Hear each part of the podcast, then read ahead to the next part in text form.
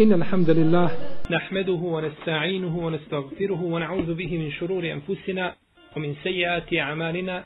من يهده الله فهو المهتدي ومن يضلل فأولئك هم الخاسرون. وأشهد أن لا إله إلا الله وحده لا شريك له وأشهد أن محمدا عبده ونبيه ورسوله. يا أيها الذين آمنوا اتقوا الله حق تقاته ولا تموتن إلا وأنتم مسلمون. يا أيها الناس اتقوا ربكم الذي خلقكم من نفس واحدة وخلق منها زوجها وبث منهما رجالا كثيرا ونساء واتقوا الله الذي تساءلون به والأرحام إن الله كان عليكم رقيبا يا أيها الذين آمنوا اتقوا الله وقولوا قولا سديدا يصلح لكم أعمالكم ويغفر لكم ذنوبكم ومن يطع الله ورسوله فقد فاز فوزا عظيما. أما بعد فإن أصدق الكلام كلام الله جل ثناؤه وخير الهدي هدي محمد صلى الله عليه وسلم وشر الأمور محدثاتها وكل محدثة بدعة وكل بدعة ضلالة وكل ضلالة في النار. أما بعد. Mi smo u našem prošlom druženju počeli govoriti o hadisetu lifk ili događaju u kome je potvorena naša majka vjernika Aisha radijallahu ta'ala anha u arbaha. Potvorena je da je učinila ono što ne dolikuje najobičnijoj ženi, pa čak i ženi nemuslimanki, a kako da to dolikuje majici svih vjernika. Pa nam je uzvišeni Allah te barak je otala spomenuo taj događaj u Kur'anu i u deset ajeta opravdao majku vjernika. A uzvišeni Allah te barak je otala kaže لَقَدْ كَانَ فِي قَصَصِهِمْ عِبْرَةٌ لِعُلِ الْأَلْبَابِ A u pričama prijašnjih naroda vi imate pouke.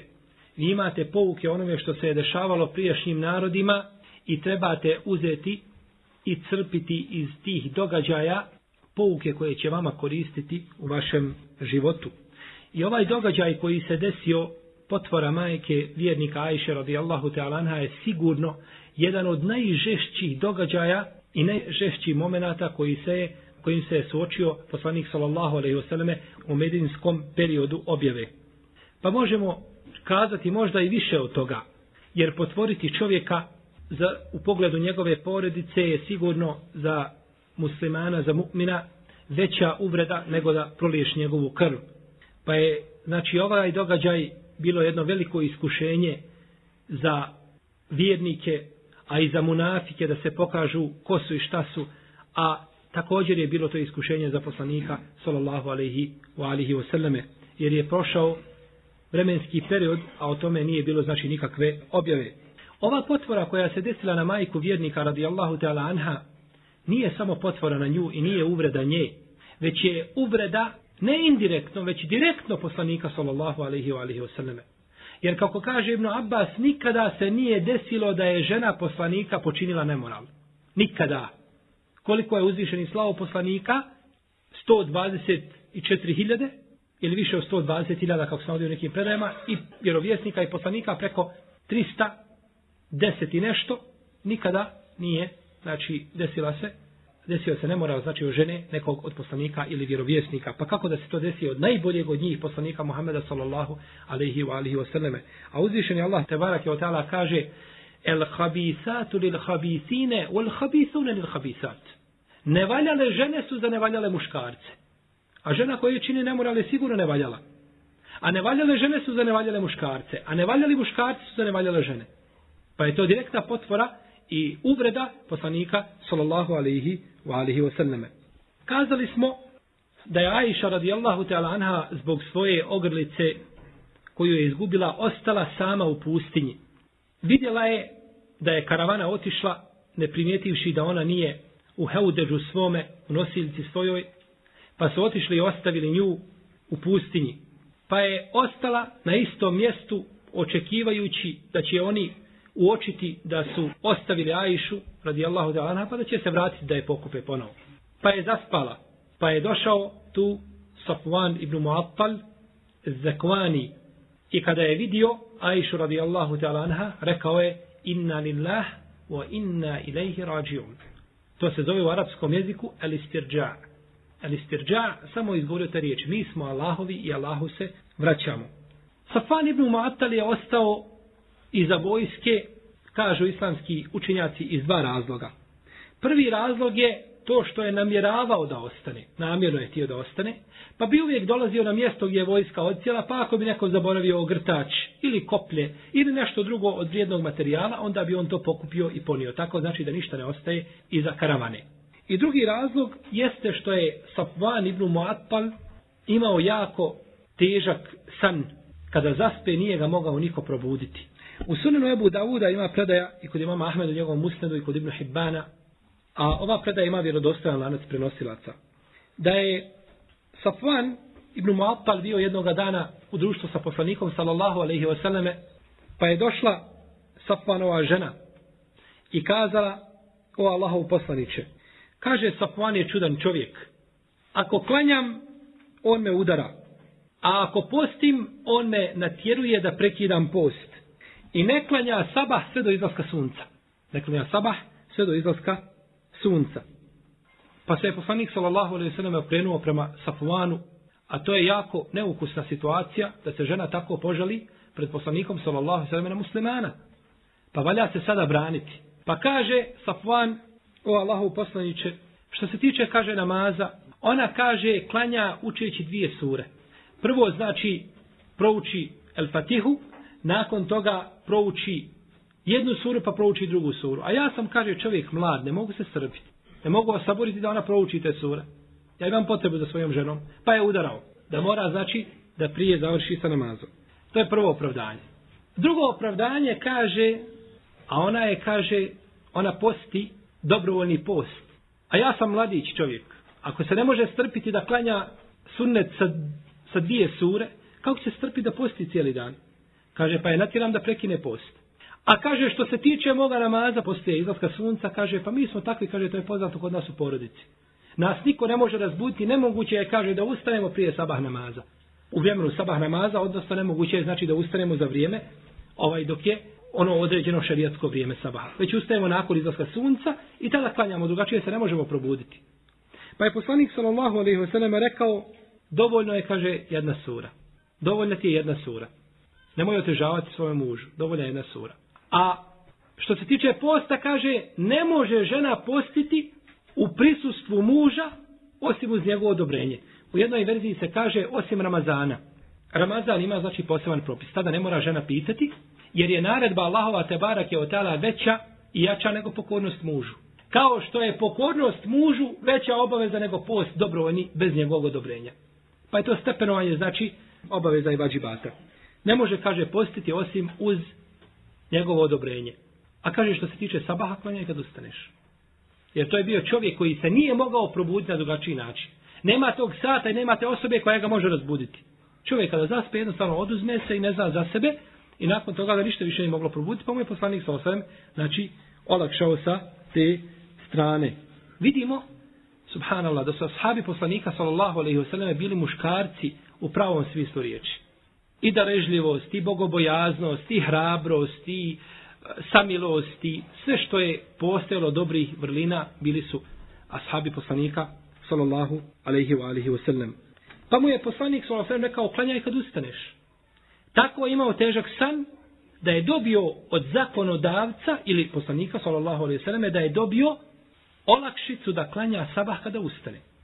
Da je Allahu poslanik, sallallahu alaihi wasallam, kojim slučajem rekao, Ne, moraš klanjati namaz u njegovo vrijeme. A on nije u stanju da se probudi. Nema toga koga može probuditi, načina da se on razbudi. To bi bilo opterećenje njega preko njegove mogućnosti. Pa mu je znači dozvolio da klanja namaz u njegovo znači, vrijeme, odnosno nakon isteka. Kada je došla žena Safuana Ibn Malpala, šta je pitala poslanika sallallahu Ove tri stvari koje mu je spomenula, sve tri stvari su vezane za vjeru. Pomenula je namaz koji klanja nakon izlaska sunca i spomenula da je udara kada ona klanja i da joj ne dozvoljava da posti sve ovo bilo vezano znači za vjeru. Pa je nju zanimala vjera njenog muža. I tako vjernica postupa. Prvo gleda znači u vjeru svoga muža i u njegov hal i njegovo stanje odnos sa Allahom te barek zala, pa onda gleda u njegov dunjaluk i u ono što posjeduje od dunjaluka. Tako da ne smije se, znači, ova predaja uzeti nikako kao dokaz da čovjek klanja namaz kasni sabah nakon izlaska sunca. To je zabranjeno šerijatski, takav namaz nije priznatno, međutim, ko bude u situaciji kao Safvan, onda šerijat mu znači daje posebnu olakšicu. Allah te barak dala kaže Allahu je teofel enfuse hine meutiha wallati lam temut fi menamiha فيمسك التي قضى عليها الموت ويرسل الأخرى إلى أجل مسمى Allah je taj koji uzima ljudske duše kada odredi da ih uzme, pa kome odredi smrt, tu dušu ustavi kod sebe. A kome odredi život, vraća njegovu dušu. Jer ljudske duše izlaze iz ljudskih tijela dok čovjek spava. Pa onda uzvišen je Allah te bak dala onome kome je odredio smrt, zaustavi tu dušu, ono mu se više ne vrati. A onaj kome je određen život dalje, onda mu se ta njegova vrati. Kaže Aisha radijallahu ta'ala anha, pa kaže kada sam ustala, čula sam njegove riječi, inna lillahi wa inna ilaihi rađi'un, pa je rekla, fahammertu wajhi bi džilbabi, pa sam pokrila svoje lice sa džilbabom. Pa sam pokrila svoje lice sa džilbabom. Mi smo govorili da se ovaj događaj desio nakon propisivanja džilbaba. I tako mi Allaha, kaže Aisha radijallahu ta'ala anha, nije me upitao niti jedne jedine riječi, niti sam čula od njega jednu riječ, osim to što je kazao, mi smo Allahovi i Allah se vraćao. Iz čuđenja, kako da tebe sad nađem ovdje u pustinje, šta se to desilo? Po noći. Rekao je tu riječ, kaže, tako mi Allaha nije sa mnom riječi, drugi je progovorio, niti me riječi upitao. Pogledajte čestitosti. Ashab koji je potvoren, nije sa njom časkao i pričao, ispitivao, ona je njemu majka, majka vjernika. Nije ništa. Riječ jedne nije sa njom, radijallahu ta'ala, anha progovorio. Riječ jedne. Pa su znači nastavili ići dalje. U ome vidimo kada je Ajša radijallahu ta'ala kazala fahammertu vođhi bi džilbabi i pokrila sam svoje lice sa džilbabom. U ome je jasan dokaz da je pokrivanje lica u šerijetu legitimno. I da je to pohvalan postupak i da jedan dio islamskih učenjaka smatra to obavezom. Uzvišen Allah te barak je ta'ala kaže Ja ejuhan nebi kulli ezvađike o benatike u nisa il mu'minin judnine alejhinne min dželabi bihin. Zalike edna ju'rafne fela juzein. O vjerovjesniče reci ženama svojim i kćerkama svojim i ženama vjernika neka spuste svoje džilbabe ni svoje tijela. Džilbab. To je odjeća koju žena spusta. Aisha radijallahu ta'ala anha kaže fahammertu vođhi bi džilbabi pa sam pokrila svoje lice sa džilbabom. Što ukazuje neminovno da je džilbab odjeća koja pokriva i ženino lice njeno cijelo tijelo. I ovdje vidite kako je došlo. Reci ženama svojim i kćerkama svojim i ženama vjernim. Da spuste svoje džilbabe nizace. Ajša kaže pa sam pokrila svoje lice sa džilbabom. Što jasno ukazuje da su ovdje poistovjećeni u propisu i nema nikakvog argumenta koji odvaja znači žene vjernika, žene poslanika sa osanem od, od drugih vjernica pa je pokrivanje lica u islamu legitiman postupak koji je bio poznat kod Selefa. Ibn Omar kaže, kako bileže Buharija, Nesai i drugi, la tentaqibul muhrimetu, wala telbesul qafazejni. Žena koja je u ihramima neće staviti nikab, a nikab je ono što dolazi usko uz lice pa se priljubi, neće stavljati taj nikab, to ne znači neće pokrivati lice, nego neće stavljati nikab i neće stavljati rukavice. Što se razumije da mimo hađa da to žena radi. Ne radi to dok je na hađu. Što jasno, ukazuje da se radi kada je to mimo hađa. I Esma bint Abi Bekri je govorila, sestra Ajša radijallahu ta'ala kaže, kunna nugatti uđuhena minar riđal, pokrivale smo naša lica od ljudi. Predaja koja ispunjava muslimove kriterije, ovaj, a bileži imam hakim i malik i drugi. Pokrivale smo naša lica, pa ona nije majka vjernika, ona je sestra majke vjernika, ona je kao i bilo koja druga sahabika. Pa smo, kaže, pokrivale naša lica. Ovo govorim iz razloga što se pojavilo danas u ummetu Muhammeda sallallahu alaihi wasallame, ljudi pripisivaju se nekakvom znanju, pa napišu knjigu i kažu pokrivanje lica haram. Nikad niko od na dunjalu kod islamskih učenjaka tako nešto nije rekao. Niti će reći do sudnjega dana. I to je montirano znanje, to se zove u arapskom džehlun murekeb, to su slojevi znanja, odnosno neznanja, volumatun ba'duha fauka ba'd, kako kaže uzvišeni Allah. Tame jedna preko druge. Nigdje kraja nema pokrivanja lica haram. Zašto? Zato što se nađe čovjek koji pokrije svoje lice i uđe u opljačka banku. A što niste uspostavili Allahove propise, Allahove zakone, njegove granice, pa sankcionisali te koji čine tako, pokazali pred ljudima kakva će im konačnica biti, pa se niko ne bi usudio da stavi nikab ulazi u banku ili ulazi u banku. da se osnovu toga poznati šerijatski propis koji je poznat u islamu negira ili da se oskrnavljuje ili tako dalje, to je zabranjeno šerijatom. A Omer radijallahu ta'ala anhu je bio najžešći čovjek u pogledu pokrivanja žena. On je bio najžešći s te strane. Imam Buharija bilježi u svome sahihu da je jednoga dana, a žene poslanika sallallahu alaihi sallam su nakon što je propisan džilbab, izlazile su na veče radi prirodnih potreba. Kad bi trebalo nekada izići da obavi prirodnu potrebu, išla bi daleko u pustinju, jer su bili, klozeti su bili izdvojeni van, znači kuća, i tog urbanog, znači, predjela, pa bi po noći izlazile tamo. Pa je jedne večer izišla Seuda. Seuda, to je žena poslanika, sallallahu koja je bila krupna žena.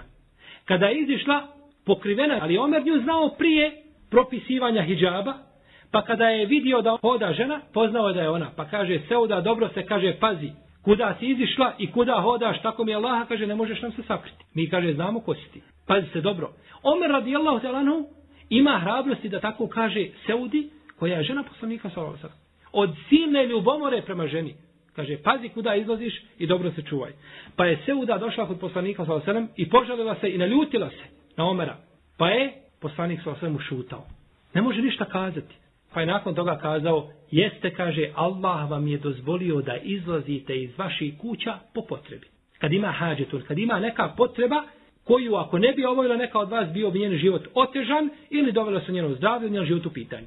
Bilo da se oteža ili da bude, znači, više od toga. Omer radijallahu ta'ala anhu je htio da zabrani ženama općenito izlazak. Držeći se riječi Allaha te barake od ta'ala u karne fi bujutikun i boravite u svojim kućama. Ovaj propis je objavljen ženama poslanika sallallahu alejhi ve selleme, a nakon njih taj propis slijede sve žene, kako kaže Ibn Kesir i drugi mu fesiri, jer ako vredi za žene poslanika, onda vredi sigurno i za ostale žene. O karne ti vujutikun i boravite u svojim kućama. Pa stoga je ženi namaz u njenoj kući, iako je njoj dozvoljeno da iziđe u džamiju, ali je nje namaz u njenoj kući bolji nego nje namaz u džamiji. Namaz žene koja živi u gradu poslanika sallallahu alejhi ve selleme pored same džamije, u neposrednoj blizini džamije, njen namaz u njenoj kući je bolji nego njen namaz u poslanikovoj sallallahu alejhi džamiji koji vrijedi za hiljadu namaza. Namaz u njenoj kući je vrijedni. I o tome imaju hadisi poslanika sallallahu alejhi ve selleme i govorio je kaže Ako vam žene zatraže dozvolu za izlazak iz kuće, nemojte im braniti, ali kaže njihove kuće su im bolje. Pa ako je ženina kuća bolja za nju, kada se radi o džamiji, šta mislite onda kakva je žena kuća o tome kada se radi o izlasku u trgovinu, kada se radi o hodanju uz ulicu, niz ulicu bez nekih potreba. Sigurno da je tada ženin boravak u kući kudi kamo preći, kudi kamo preći i bolji za nju. Pa znači žena izlazi iz kuće samo po potrebi. Kako rekao poslanik s.a.v. Allah vam je dozvolio da izlazite po potrebi. Pa što god može čovjek uraditi, žena nema potrebe da izlazi da ona radi i da se izlaže pogledima i neprijatnim situacijama. Kada su Aisha radijallahu ta'ala anha i Safwan pristigli vojsku, počeli su ljudi da pričaju. Počela su bolesna srca da pričaju. I bolesna srca su sva na jedan kalup. Oni samo čekaju da se desi nešto.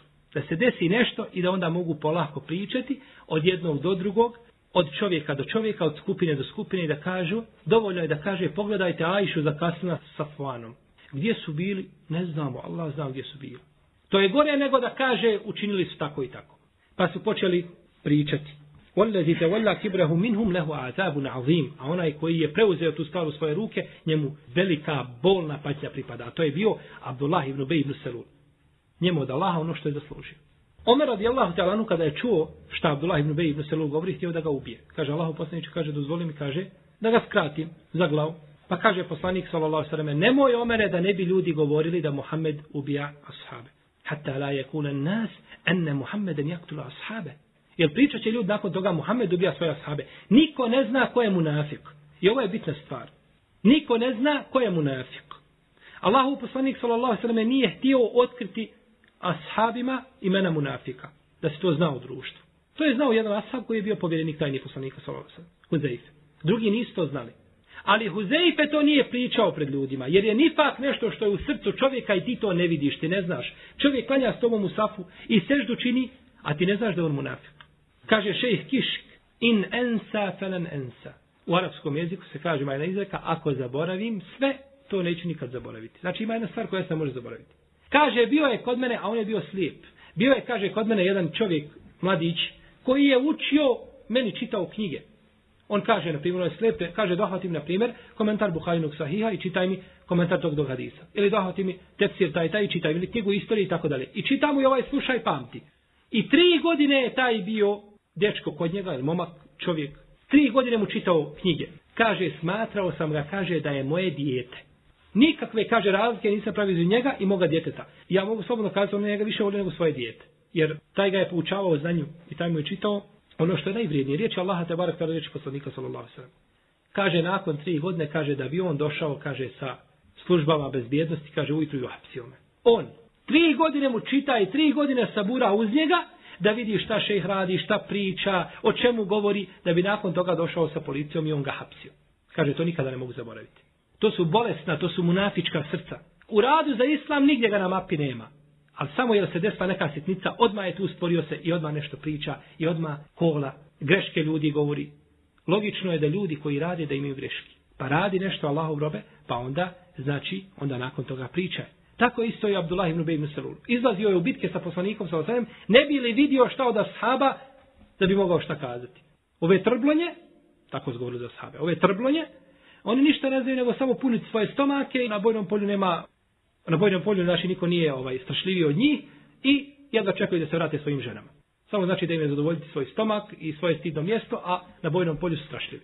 Pa kad je to objavljeno, kažu mi nismo tako mislili. Kad je otkriven, znači njihov nifak i ono što čine. Stoga Omer radijallahu ta'ala anhu nije mu bilo dozvoljeno da ubije Abdullah ibn Ubej ibn Selula, jer kogod smatra da ubistom jednog ili dvojice munafika može se nešto promijeniti, on se vara.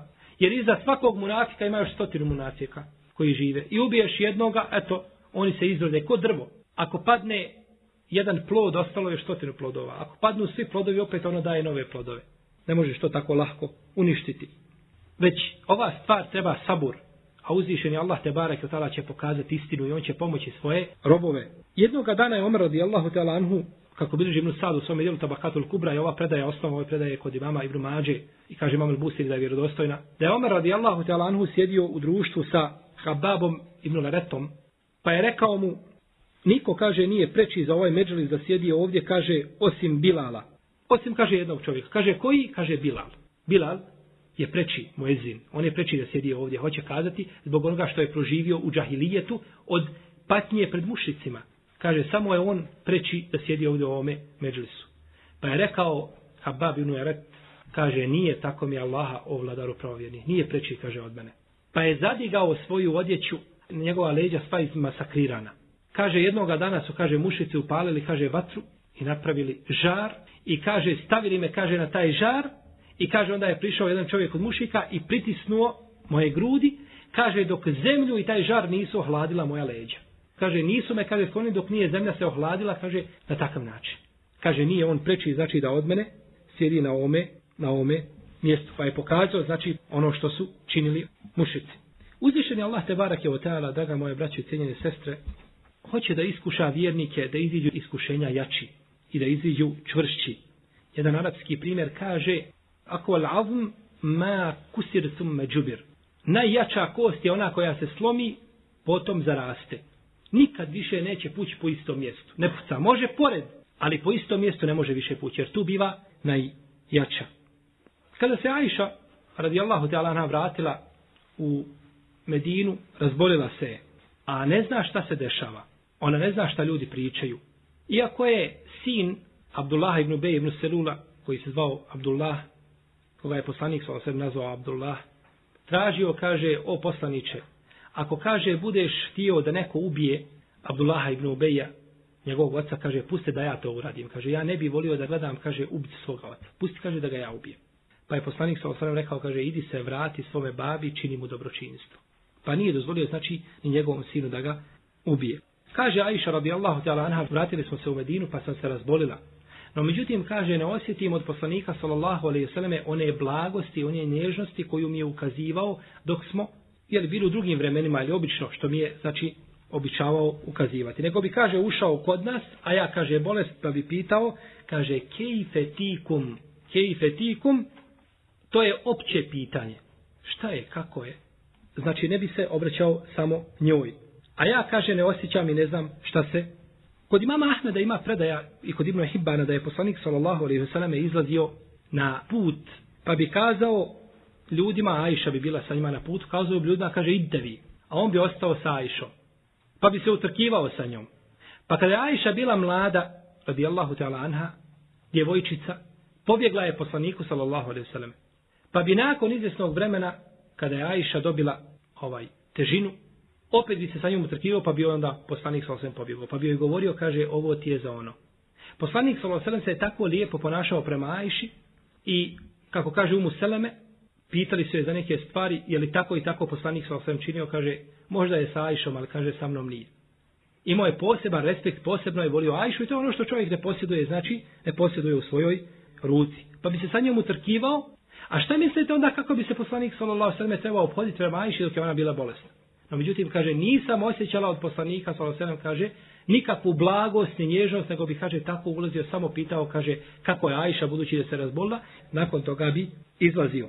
Jednoga dana kako bilježi imam muslim u svome sahihu Ibn Hibban, poslale su žene poslanika sallallahu alejhi ve selleme Fatimu, kćerku poslanika alejhi salatu selam, kod Ajše, pa je došla, a poslanik sallallahu alejhi ležao u njenom krilu. Pa je rekla o Allahov poslaniće, žene kaže tvoje traže da budeš pravedan prema njima kao što si prema Ajši. Ovdje se misli na pravednost srca. Da voliš sve žene kao što voliš Ajšu. A poznato je bilo da je poslanik sallallahu alejhi ve volio Ajšu više nego što je volio druge svoje žene. I to je ono što čovjek ne posjeduje, znači u svome srcu. Pa kada bi se Allahu poslanik slučajno naljutio na neku od svojih žena, onda bi ona poklonila svoje veće Ajši samo da Ajša odljuti poslanika, sallallahu alaihi wa alihi wa sallam. Pa su poslale Fatimu, kćerku poslanika, sallallahu alejhi da kaže Allahovom poslaniku, da bude sa i drugim ženama kao što je sa Ajšom radijallahu ta'ala ana. Opet ovo kažemo, ovo je ono što čovjek ne posjeduje u svojim rukama. Da li će čovjek jednog muslimana voljeti više od drugog, to nije u njegovoj ruci. Da li će voljeti jedno dijete više od drugog, to nije u njegovoj ruci. Da li će čovjek voljeti više jednu ženu od druge žene, to nije u njegovoj ruci. Ali ne smije nepravdu činiti zbog te ljubavi koju, znači, ima u svome srcu i mora je, znači, ovaj nastojati prikriti da je što manje pokaže. Kaže, a poslanik sa osvrme šutao, kaže žene, kaže Fatima, tvoje žene Allahov poslaniće traže da budeš prema njima kao što si čerke Abu Bekra, prema Aisha radijallahu ta'ala anha. Pa je kazao poslanik sallallahu alaihi wasallame, kazao je Fatimi, voliš li ti mene? Kaže, volim u Allahu poslaniće. Kaže, ako voliš mene, kaže, onda voli ovo ovdje pored mene. Kaže na Aisha. Pa je to Fatimi bilo dovoljno. Pa se okrenula i izišla. Došla je kod žena poslanika sallallahu sallam i obavijestila o čemu se radi. Pa su kazale nisi nam ništa koristila, ništa nam pomogla nisi, kažu, idi ponovo pa se obrati poslaniku sallallahu alejhi ve. Pa je kazala tako mi Allaha, neću više ići. Pa je pa su poslale Zeyneb bintu Jahš. A kaže Ajša radijallahu ta'ala anha, njen položaj, njena deređa je kod poslanika sallallahu alejhi ve bila otprilike kao moja, tu smo negdje. Možda je za nijansu Ajša imala veći stepen, ali kaže tu smo negdje bile. Kaže Ajša radijallahu ta'ala anha, nisam nikada vidjela žene da je bila bolja vjernica. Ovo svoje inoći govori. Da o svojoj inoći priča, ali neće nego pravdu. Kaže, nisam vidjela nikad žene, kaže da je bolja mu'minka i da je imala bolji din od nje. Niti sam, kaže, ikada vidjela bogobojazniju ženu od nje. Niti sam, kaže, ikada vidjela iskreniju ženu i da iskrenije priča što ona. I kaže, nisam nikada vidjela ženu da je više spajala rodbinske veze što ona. I nisam nikada vidjela ženu da je više davala sadake što je ona. Osim, kaže, što je imala jednu malu mahanu, kaže, mogla se brzo naljutiti. Ali da bi je opravdala, kaže Ajša radijallahu ta'ala anha, no međutim, ona se je, kaže, tako brzo odljutila. Odljutila bi se brzo, nakon što se naljuti, brzo bi se odljutila. Pa je došla i pričala poslaniku sallallahu alejhi ono što je govorila Fatima, ali je u jednom momentu je uvredila Ajša. A kaže Aisha radijallahu ta'ala anha, poslanik sallallahu alejhi na mome krilu.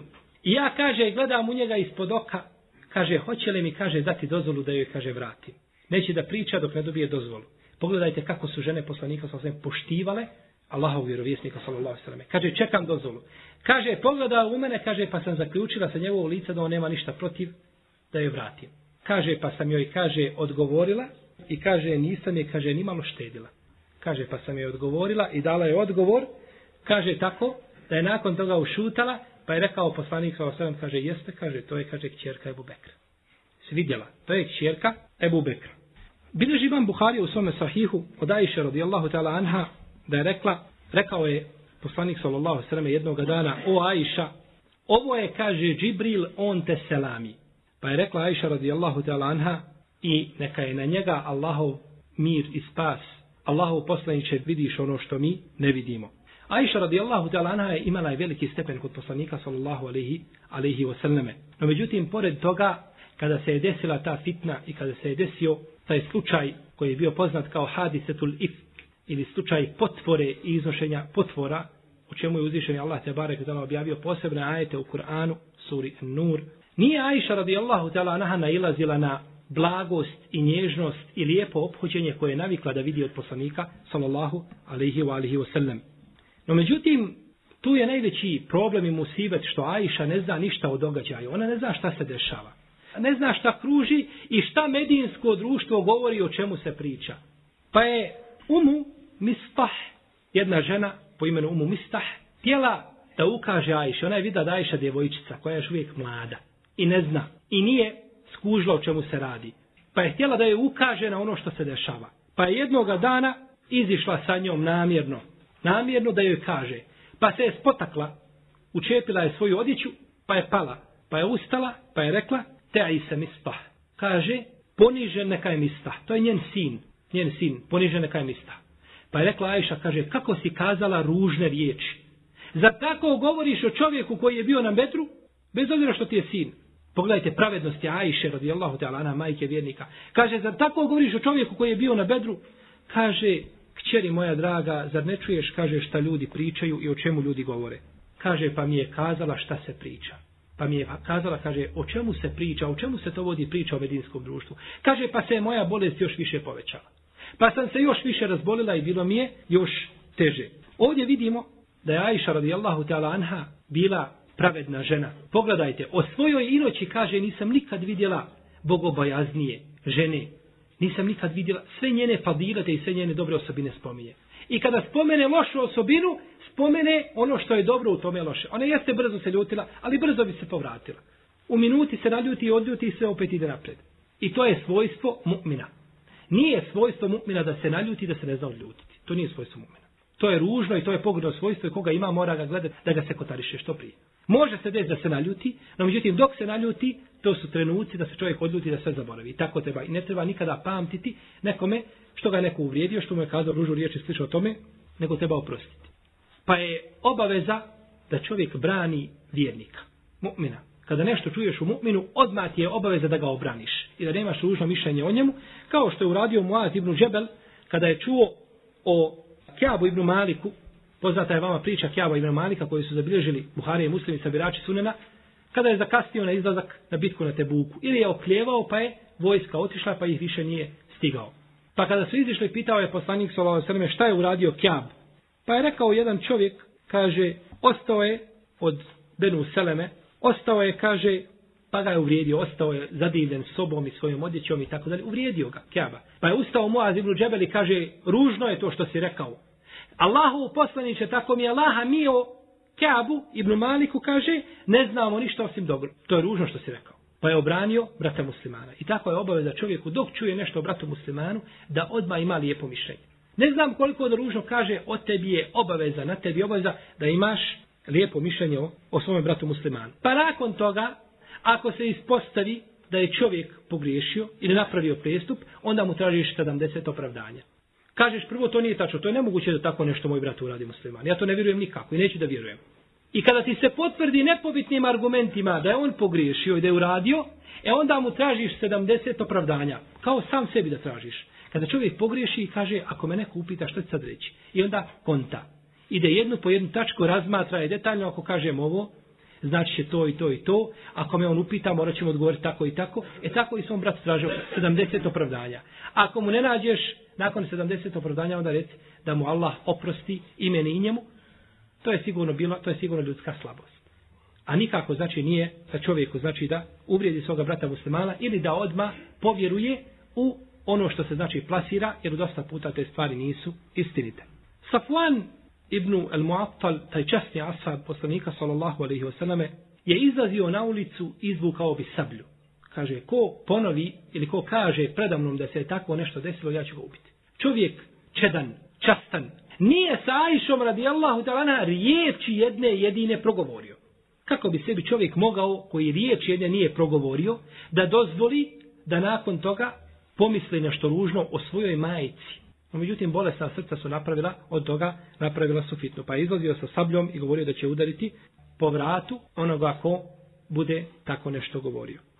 Ovo je bilo jedno veliko iskušenje i za poslanika sallallahu alejhi ve selleme i za Ajšu i za Ebu Bekra i za njegovu suprugu majku Ajša radijallahu ta'ala i za sve muslimane pa se tu pokazala vjernička srca i pokazao se pravi iman navodi se u predajama da su ashabi pričali znači o ome događaju to se je prepričavalo pa je došla žena Ebu Ejuba Lensarija i kaže mu jel čuješ šta ljudi pričaju pa je upitao Ebu Ejub Lensari svoje žene kaže dobro bili ti kaže tako nešto uradila bili ti počinila ono što se pripisuje Ajši, da si bila na njenom mjestu, kaže, tako mi Allaha ne bi.